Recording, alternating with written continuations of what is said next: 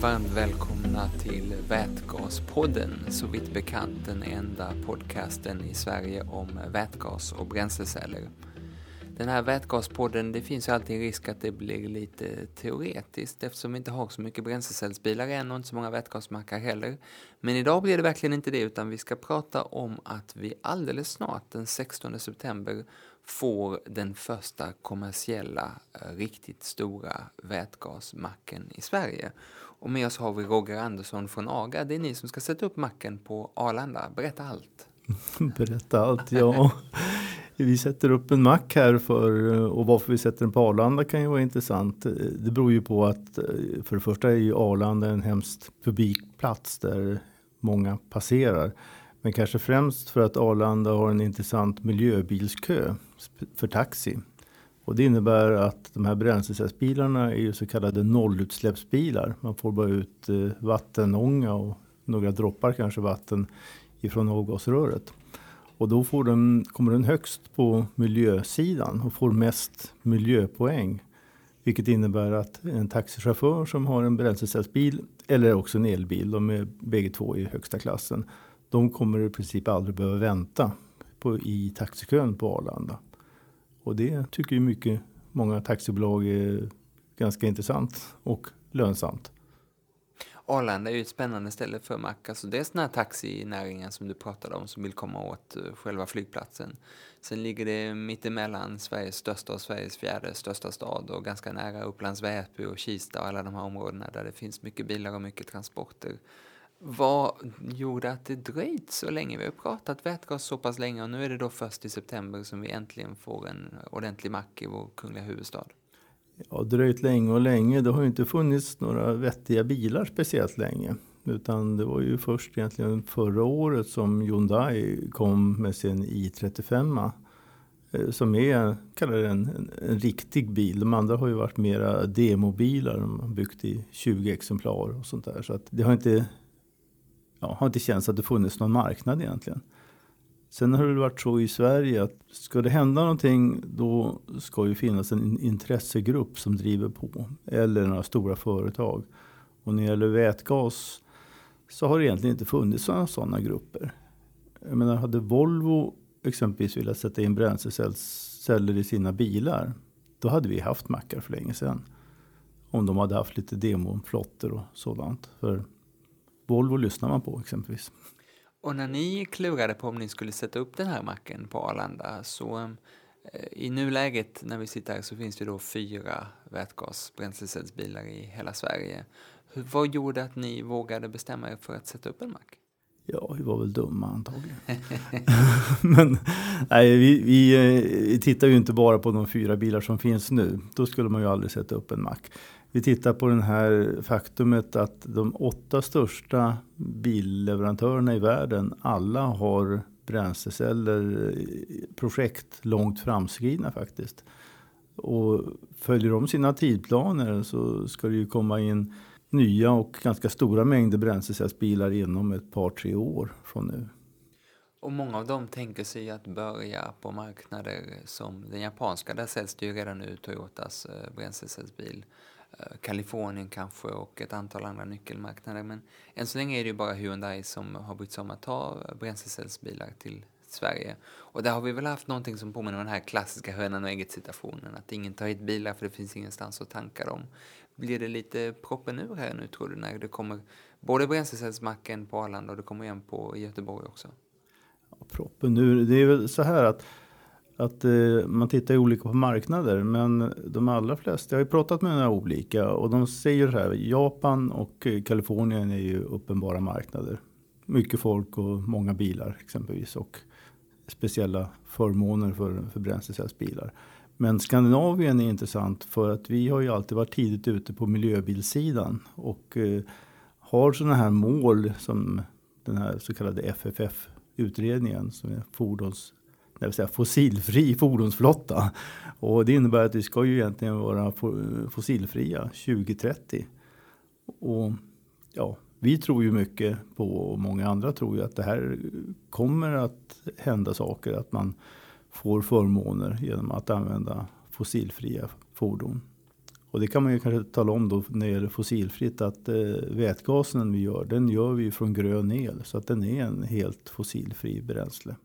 Det är en viktig dimension förstås för att många har ju för sig att elbilen är utsläppsfri och det är den ju vad gäller avgasröret men totalt sett måste man ju titta på hur elen gjordes och detsamma gäller ju vätgasen där den globalt sett framförallt görs av fossil eh, naturgas. Men all vätgas för fordon i Sverige så vitt jag förstår är helt och hållet grön.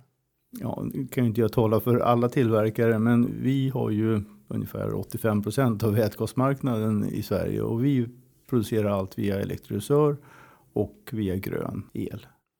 Den här macken, jag tittade på hur ni dimensionerat den och den ser ju våldsamt överdimensionerad ut när man tittar på hur många gas, vätgasfordon det finns i Sverige i nuläget.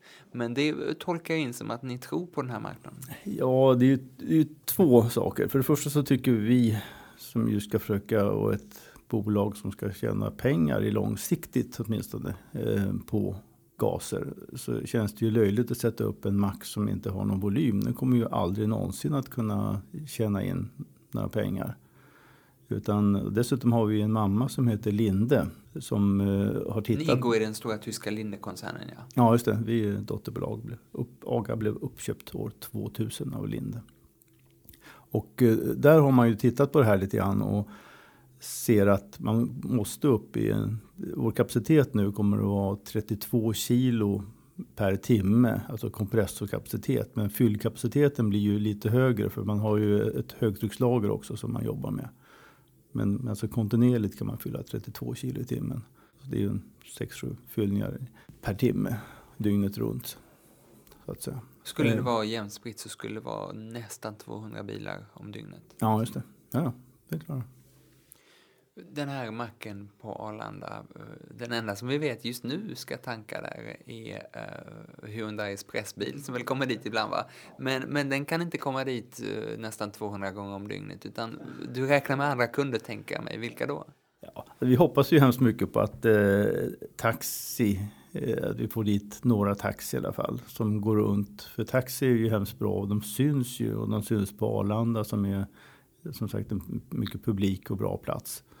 Och det är ju därför vi sätter den på Arlanda. För att du räknar med att det ska komma lite taxibilar eh, som kör det här. Och det är ju inte säkert att de kommer i år. För det här hänger ju lite grann på vilka garantier taxi får ifrån eh, bilföretagen som säljer de här så att säga. Taxi behöver ju få köra. De kör ju 12 till 13, 14, 15 000 mil per år. Och de vill ju gärna köra dem ett par år. Och då behöver de antagligen garantier för att de ska kunna hålla ett litet tag där är du inne på något väldigt viktigt att när man gör sin priskalkyl för bränslecellsbilen så tittar man på inköpspriset. Det är högt men det är på väg ner och på väg ner i rask takt. Sen tittar man på hur länge håller bilen och där, den siffran är på väg upp men fortfarande verkar det som att 5-6 år och någonstans kring drygt 10 000 mil är den garanti man får. Och sen tittar man på vilket pris på pump har eh, aktörer som ni. Om det då motsvarar ungefär ett bensinpris på en tia någonstans där verkar den ligga på bensinliterpriset mot en tia. Då förstår inte jag hur man ska få ekonomi i det här. Ja, man får inte ekonomi i början. Mycket enkelt. Eh, utan, men eh, å andra sidan, de allra första bilarna de köps nog kanske inte på en sån ekonomi. De kan möjligtvis köras på en ekonomi där man ser att, att eh, taxi slipper vänta i snitt 40 minuter på Arlanda varje gång. Och då kanske man eh, får ut tre timmar effektiv taxikörning mer på ett åtta timmars pass eller något liknande. Och det kan ju ge hemskt mycket pengar egentligen.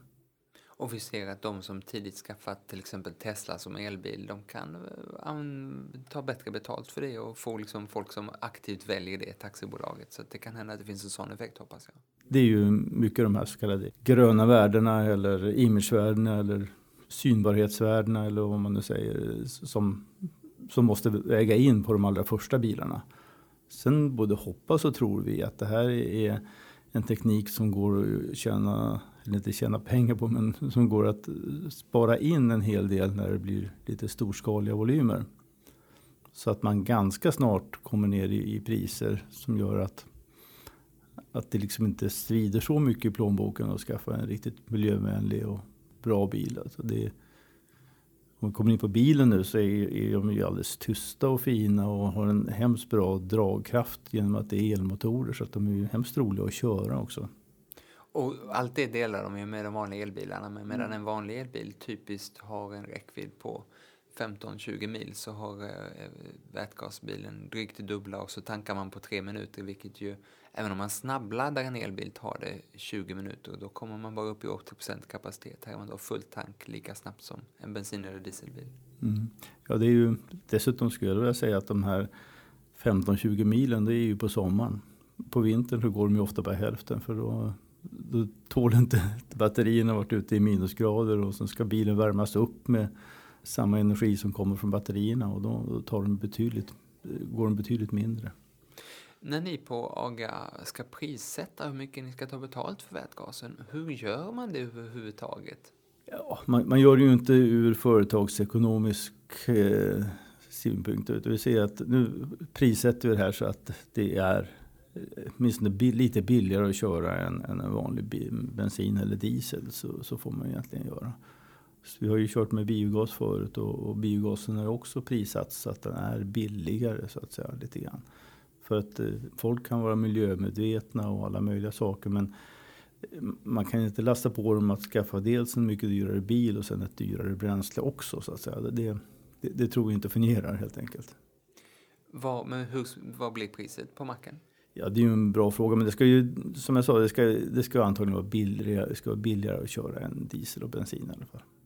Alltså typ, jag gissar här nu och så får vi se om, om du vill avslöja lite mer här på siffrorna, men typ eh, en tia per bensinliter ekvivalent, någonting i den stilen? Ja, det kan väl röra sig i den storleksordningen.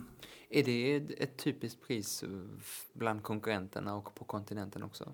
Ja, det kan man väl säga. Det, det är ju, har ju inte riktigt blivit några sådana här marknadspriser riktigt eftersom det är så små volymer. Så att jag menar, ingen bryr sig egentligen om... Det, det är inte, om man satt upp en mack så har man ju gjort det av imageskäl eller av någonting annat. Och det är inte viktigt vad gasen kostar egentligen. Så att det är ju så en liten del. Så därför är det... Men vanliga priser de ligger någonstans där så att säga.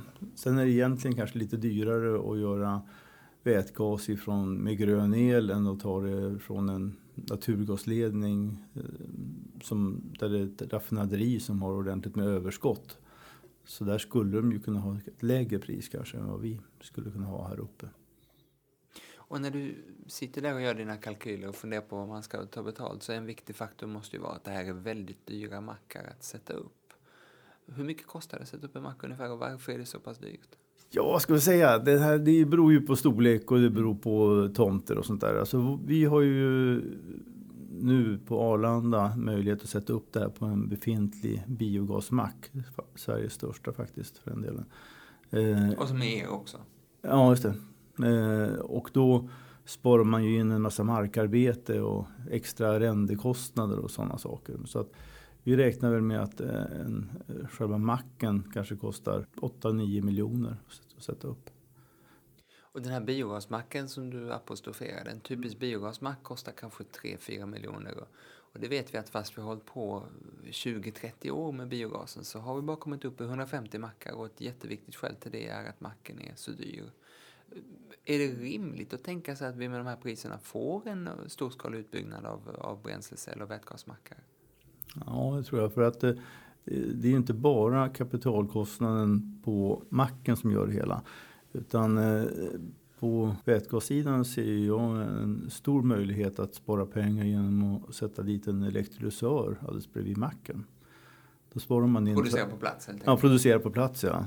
Eh, och spara in transporter. Biogas fungerar ju så att det görs ju i en biogasanläggning och måste i alla lägen på något sätt komma fram till macken. Antingen via rörsystem eller det vanligaste är att man transporterar det här i containerflak så att säga. Och det är ju inte någon direkt billigt system heller. Men där, där kostar även eh, den här transport distributionsutrustningen ganska mycket pengar. Även om en, en vätgasmack alltid kommer att vara relativt dyr Eh, den kommer ju gå ner ordentligt i pris den också. Den, den borde inte vara dyrare än en biogasmack egentligen eh, efter några år. Men eh, den kommer att vara ganska dyr. Men om om det är tillräckligt billigt att producera elen fram till macken. Så ja, priset är ju en kombination av investeringskostnad och rörlig kostnad. Och då borde man kunna få ner den ordentligt. Mm. Men min oro lite grann är om man tittar i backspegeln när Sverige har varit på väg att ställa om. Så om vi börjar med etanolen så var vi ju världens snabbast växande marknad för etanolbilar. Och då blev regeringen rädd och tog bort stimulansen. Man tog bort det sänkta förmånsvärdet och eh, tog bort en massa annat. Sen så eh, börjar elbilarna så smått röra på sig nu på marknaden. Och det räcker för att de stora bränsleproducenterna på den sidan, alltså elbolagen, ska börja ta rätt ordentligt betalt ändå för snabbladdningen. Och just nu så är ju vätgasen för bilar i princip skattebefriad men oron från konsumenterna är väl att så småningom så tar man ut rejält med skatt även där, både på bil och bränsle. Ja, det är svårt att säga och spå om framtiden. Eh, man kan säga så här att eh, flera av de här alternativbränslena de är ju skattebefriade nu. Biogas exempelvis som jag känner till ganska väl. Eh, och det finns ju ingen anledning varför man skulle skatta vätgasen mer än det finns ju vissa elskatter ändå så att det finns, den är inte helt skattebefriat eh, elen. Eh, utan då skulle man ta en speciell fordonselskatt eller något annat att hitta på men det känns ju lite långt bort. Man, jag vet inte ens hur man hittar på det. De har, jag vet inte hur man hittar på om man skulle hitta någon ny elskatt om man laddar ett batteribil. Det skulle vara väldigt knepigt ja, det skulle vara knepigt. för att en elbil kan man ju ladda uttagen här i väggen här i konferensrummet vi sitter i. Så att, ja, jag menar det. Så att det borde ju vara en rimlig konkurrensneutralitet mellan el i olika former.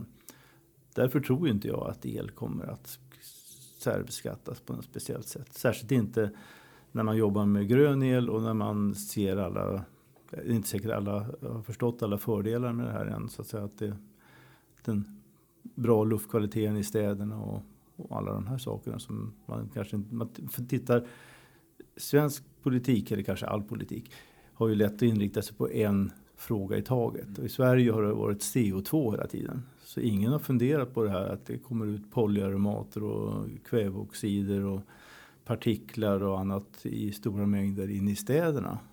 Och allt det här slipper man ju med elbilar. Och slå ett litet slag för biogasbilar också, blir mycket mindre med biogasbilar. Just det, inga partiklar i biogas och väldigt lite kväveoxider. Ja.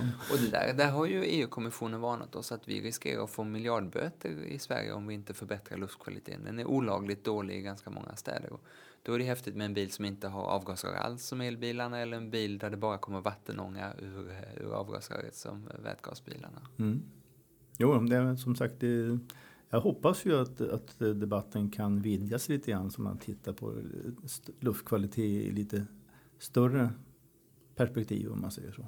Och då har vi bara börjat. Alltså vi har klimatfrågan förstås. Där, det är det som är min utgångspunkt i det här från början. Men sen har vi luftkvaliteten. Vi har arbetstillfällena som flyttar hem när vi flyttar hem bränsleproduktionen och inte importerar olja från Mellanöstern. Vi har en bättre handels och bytesbalans förstås. Ehm, vi har en levande landsbygd om vi gör det här på biomassa och liknande. Så det finns en väldig massa olika mål som man uppfyller på en gång här som eh, jag tror få andra sektorer kan visa upp när man pratar om ett sånt systemskifte som vi har framför oss. Ja, nej, jag kan bara hålla med. Men eh, det, vad som är lite frustrerande när man jobbar med alternativbränslen i Sverige det är ju att så lite ändå händer och att eh, vi har problem med EU också att få ha de styrmedel vi vill ha i Sverige. Alltså man får ju inte ha både CO2-skatt och kvotplikt exempelvis ifrån EU. Så att eh, det är väl bara att hoppas att, eh, att det kommer några klara regler för att eh, det blir inte riktig fart på någonting förrän man har regler som man vet ska finnas i ett antal år. Än så länge så är det ju här ofta en och två och tre års styrt Alltså de här förmånsvärden för bilar, de är tre år och ska stoppas och så blir de förlängda lite grann. Och så.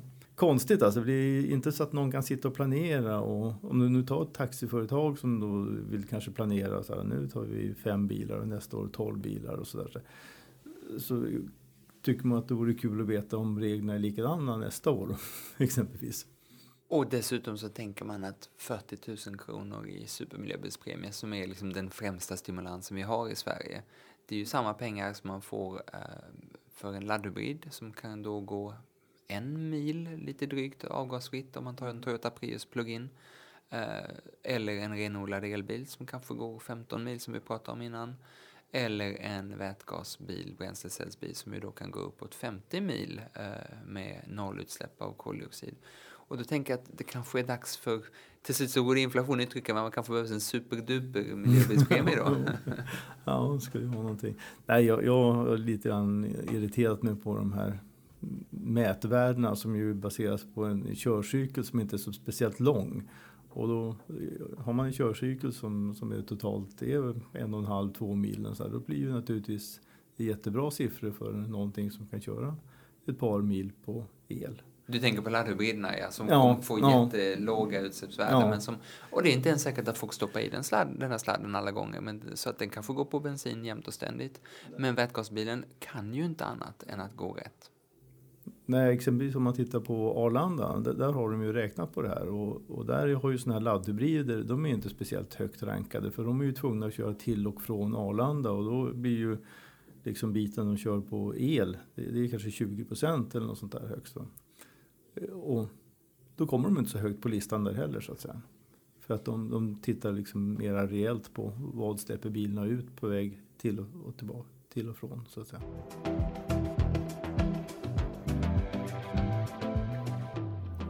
Ni på AGA, ni tillverkar ju en ganska stor bredd av gaser och många av dem används faktiskt inte alls eh, som drivmedel i fordon utan till helt andra applikationer. Och så är det ju också med vätgasen att den används ju till massa olika saker. Det finns en liten laddare för våra mobiltelefoner som eh, ett svenskt företag har tagit fram som eh, är en bränslecell med vätgas. Och eh, en av bilfabrikerna där man bygger vätgasbilar, då drivs själva fabriken faktiskt med en bränslecell med vätgas. Är det rätt att fokusera på fordonssidan när vi snackar vätgas? Ja, bränsleceller har ju som du säger ett, ett jättebrett användningsområde. Jag vet inte, jag är väl inte rätt person att uttala mig vad som är rätt att jobba med. Jag kan bara säga att, att eh, bränslecellen är en, en mycket smart energilösning. Och smarta energilösningar borde kunna passa på hemskt många olika ställen. Det får ju framtiden visa lite grann eh, vad som kommer hända med kostnadsnivån. För mig känns det som en bränslecell vore en jättebra grej att ha en bil. Den, den, har ytterst få rörliga delar egentligen. Och borde alltså ha mycket låga underhållskostnader. Sen driver den elmotorer och elmotorer är ju hemskt välbeprövade grejer som ofta kan hålla i ja, 10-20 000 timmar utan större problem. Så om man tittar så att säga, tekniskt från sidan på det så låter det som det borde vara lättare att få en eh, vätgasbränslecellsbil att fungera bra än en förbränningsmotor med massa katalysatorer och partikelfilter och annat som ska funka även i kallstarter att, att gå bra. Det, det, ja, det där tror jag många inte fattar faktiskt, att det sker ju ingen förbränning i en, eh, i en bränslecellsbil, utan det sker bara en, en ganska enkel teknisk process som uh, inte ens når upp i 80 grader i, no, i normal liksom, mm, Man brukar lägga de här eh, PEM-cellerna mellan 70 och 90 och varför man lägger dem där är väl mycket för att man vill ha någonting att värmeväxla med så man kan värma bilen. För att eh, bränslecellen har i sin tur då en effektivitet runt 60 procent. Så att 40 procent av energin som går in i bilen den kan användas då som eh, värme exempelvis. Så att det innebär att man kommer lika långt på, på vintern så att säga med den här bilen. Och, och, och man får varmt i kupén. och det där betyder att det är rätt stor skillnad på hur effektiv vätgasbilen, bränslecellsbilen är beroende på var man är någonstans. I Kalifornien där man snarast vill kyla bilen så är det där inte lika spännande. Får man sätta in en värmepump eller värmeväxlare i så fall. Men i kalla länder som Sverige så är det ju ett stort bekymmer att elbilen är så pass kall så man måste ofta kupévärmare eller liknande och då är det häftigt att den där värmen finns. Så det kanske är helt rätt ställe att vara helt enkelt. Ja, alltså nu är kanske Hyundai blir ledsna på mig. men, men jag ser ju de här bränslecellbilarna som passande allra bäst i områden där det finns gott om grön el och som dessutom har kyla under en stor del av året. Eh, där passar de allra, allra bäst jämfört med många andra alternativ.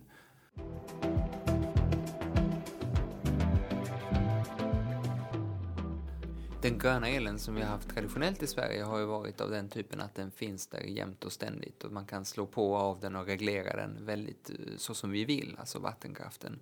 Men nu går vi in i en era där vi har eh, lite mer oförutsägbar och eh, snabbt varierande grön el. Från solen som kan gå i moln och från vinden som kan mojna. Och då tänker jag att då är vätgasen ännu mer spännande för då behöver vi lagringskapacitet på ett helt annat sätt. Och vi har ju lagrat i våra dammar genom att pumpa upp och ner fram, eh, historiskt. Men det är inte det skojigaste sättet att lagra el egentligen, eller lagra energi. Ja, det är inte något större fel på det sättet. Men eh, det finns ju ett intressant alternativ här och det är att man har eh, relativt stora elektrolysörer stående. Säg att man har 500 stycken stående ute vid varsin mack. Och då kan man ju naturligtvis reglera dem och köra dem på nätterna eller när det blåser mycket eller något sånt där och lagra in det här i eh, exempelvis mellantryckslager eller något liknande på den här macken. Och det, ja, varje mack ligger ju, varje elektrolysör har vi tittat på, de borde ligga på 1 till 2 megawatt ungefär. Och klart är det, är det 500 mackar då så blir det ju 1000, vad blir det, en terawatt då något liknande. Så att det, det, kan ju bli lite volymer. Men det lär ju ta ett litet tag det. Men det kan vara en viktig del framgent i att bättre balansera eh, snabba effektförändringar i vårt framtida eh, elnät till exempel. Ja, elektrolysörer är ju fantastiskt trevliga på det sättet att de eh, sparkar igång på 0,1 sekunder eller något sånt där. Så att det är liksom inga fördröjningar i de systemen. Det är ju, det är, alltså en, en elektrolysör och en bränslecell är oerhört lika varandra. Eh, det är ju bara tvärtom, man kopplar mer eller mindre tvärtom. Nu finns det ju PEM elektrolysörer också som jobbar med samma teknik som eh, bränslecellerna. Så att det är mer eller mindre samma grej fast tvärtom. AGA är med i 2030-sekretariatet som är en slags coalition of the willing för att uppnå fossilbränsleoberoende fordonsflotta till år 2030. Vilken del i det här att bli fossilbränsleoberoende tycker du eller ser ni att eh, vätgasen och bränslecellerna har? Ja, det är ju, jag tror den har en väsentlig del. Det, det, är ju så att om man tittar på nuvarande läge så är det ju mycket, om man jämför med alternativbränslen så är det ju stora mängder diesel och eh, stora mängder bensin som går åt. Så det är ju, är ju, inte en lösning man tittar på. Utan jag ser ju framför mig att, att eh, för personbilar och bussar skulle bränsleceller och vätgas kunna vara en bra lösning. Däremot tror jag exempelvis att till eh, tunga långtradartransporter och sånt där, där kan det vara flytande biogas eller det kan vara någon typ av grön diesel eller något liknande som, som man använder på ett annat sätt. För där, där blir de här grejerna för stora och skrymmande så att säga när man ska ha stora vätgastankar och sånt där det är inte riktigt flower power, men det är ändå att ett antal blommor ska blomma om vi ska klara hela den här utmaningen. Ja, jo, det blir väl flower power det, blir inte det? Eh, men, jo, eh, det är vackert i alla fall. Ja, det låter ju vackert också. Sen kan det ju mycket väl hända att att någon av de här blir kostnadsmässigt betydligt billigare och då kommer de ju att slå ut andra alternativ. Så att säga. Om, man hit, om någon av de här är så pass energieffektiv eller kapitaleffektiv eller vad man nu kan hitta så kanske den slår ut de andra. Men, men det, i grunden är det så att eh, jag tror att det är några bränslen som kan användas till lätta personbilar och eh, ja, busstransporter och annat som ju kommer tillbaka. Och några andra som används till tunga fordon. Jag tycker de är så pass olika användningsområden. Så de kompletterar varandra väl och dessutom så är det en så pass stor kaka vi nu ska dela på så att man behöver inte bråka bränslena emellan. Nej, som sagt, det är ju vi är väl uppe i kanske 12 procent nu eller något sånt där grönt. Va? Så att det fick, det finns ju 88 procent kvar och som sagt, det är ju en del. Om vi tänker oss att vi nu eh, tittar i kristallkulan och är framme vid år 2030. Hur många bränslecells och vätgasmackar finns det i Sverige då, tycker du? Eller bedömer du? Kommer det bara igång så går det ju fort. Eh, det kan man ju se på alla saker och ting många gånger man har varit för försiktig och sagt att ja, internet det kommer om tio år så kommer nog kanske 20 procent av befolkningen använda det och så händer det på tre år och, så, och på fem år använder alla det. Eh, så det kan ju hända med sådana här saker också. Eh, jag ska tänka mig 500 mackar, kan du, nej inte 500, 300 mackar. 300 mackar, ja. det är dubbla mot biogaser men ungefär en tiondel av antalet bensinmackar. Ja, man kan titta på hur många som behövs egentligen. Jag menar, hela bensin och dieselmarknaden är ju helt klart överetablerad. Där skulle det ju behöva kanske behövas tusen mackar kanske. Det finns väl närmare 4-5 tusen. Om man tittar på det som behövs eh, och sen kommer det kanske vara några till också. Men det kanske behövs 300, det behövs 30 stycken runt Stockholm eller något sånt där. Börjar man bäst med att bygga ut i kluster, alltså runt Stockholm till exempel, eller genom att till exempel bygga längs eh, de viktigaste vägsträckningarna, E4 från norr till söder? Mm, nu ska jag svära i kyrkan och säga som det är. Eh, det är ju EU de här, de tar ju ofta att man ska bygga efter transportvägarna och så här. Det är bara det att inga sitter och kör efter dem. De flesta jobbar ju och arbetar i sin stad. Så att vi tittar ju på att bygga ut i Stockholm. Och eh, Stockholm är ju en viktig punkt också. Politiker ser saker som händer här. Så att, eh, min uppgift nu närmast är ju att se till att vi får upp en två, tre mackar till inom ett år eller något sånt där. Någon i innerstan och någon söder om Stockholm? Ja, innerstan kanske man inte kommer att få komma till för man får inte köra brännbara bränslen inne i stan. Och då, det är inte helt lätt att få en innerstan men man kan ju få dem med vi har ju mackar i Bilia, Haga Norra och sådana saker som inte alls är långt ifrån stan och i Frihamnen. Så att man kan ju få ställen som är, säg inom 3-4 kilometer från stan då så att säga. Men om du tillverkar äh, vätgasen på plats, då får du jo, sätta upp din mack var du vill? Va? Ja, det får jag göra. Men eh, vi ser väl framför oss så här att man sätter upp en elektrolysör och tillverkar på plats. Men man sätter nog ändå dit en möjlighet att kunna köra in gas. För man vet aldrig hur fort det här ökar som jag alldeles nyss pratade om. Så att säga, det kan ju vara så att även om man har möjlighet att flytta den här elektrolysören så upptäcker man efter ett halvår eller två år eller något sånt där, oj nu kommer det massa bilar, nu räcker den inte till vore ju hemskt fint att kunna köra in lite gas och, och boosta, om man säger så, eh, den här macken med extra gas också. För det blir ju hemskt dyrt om man skulle bygga elektrolysörer som är liksom fyra gånger för stora från början.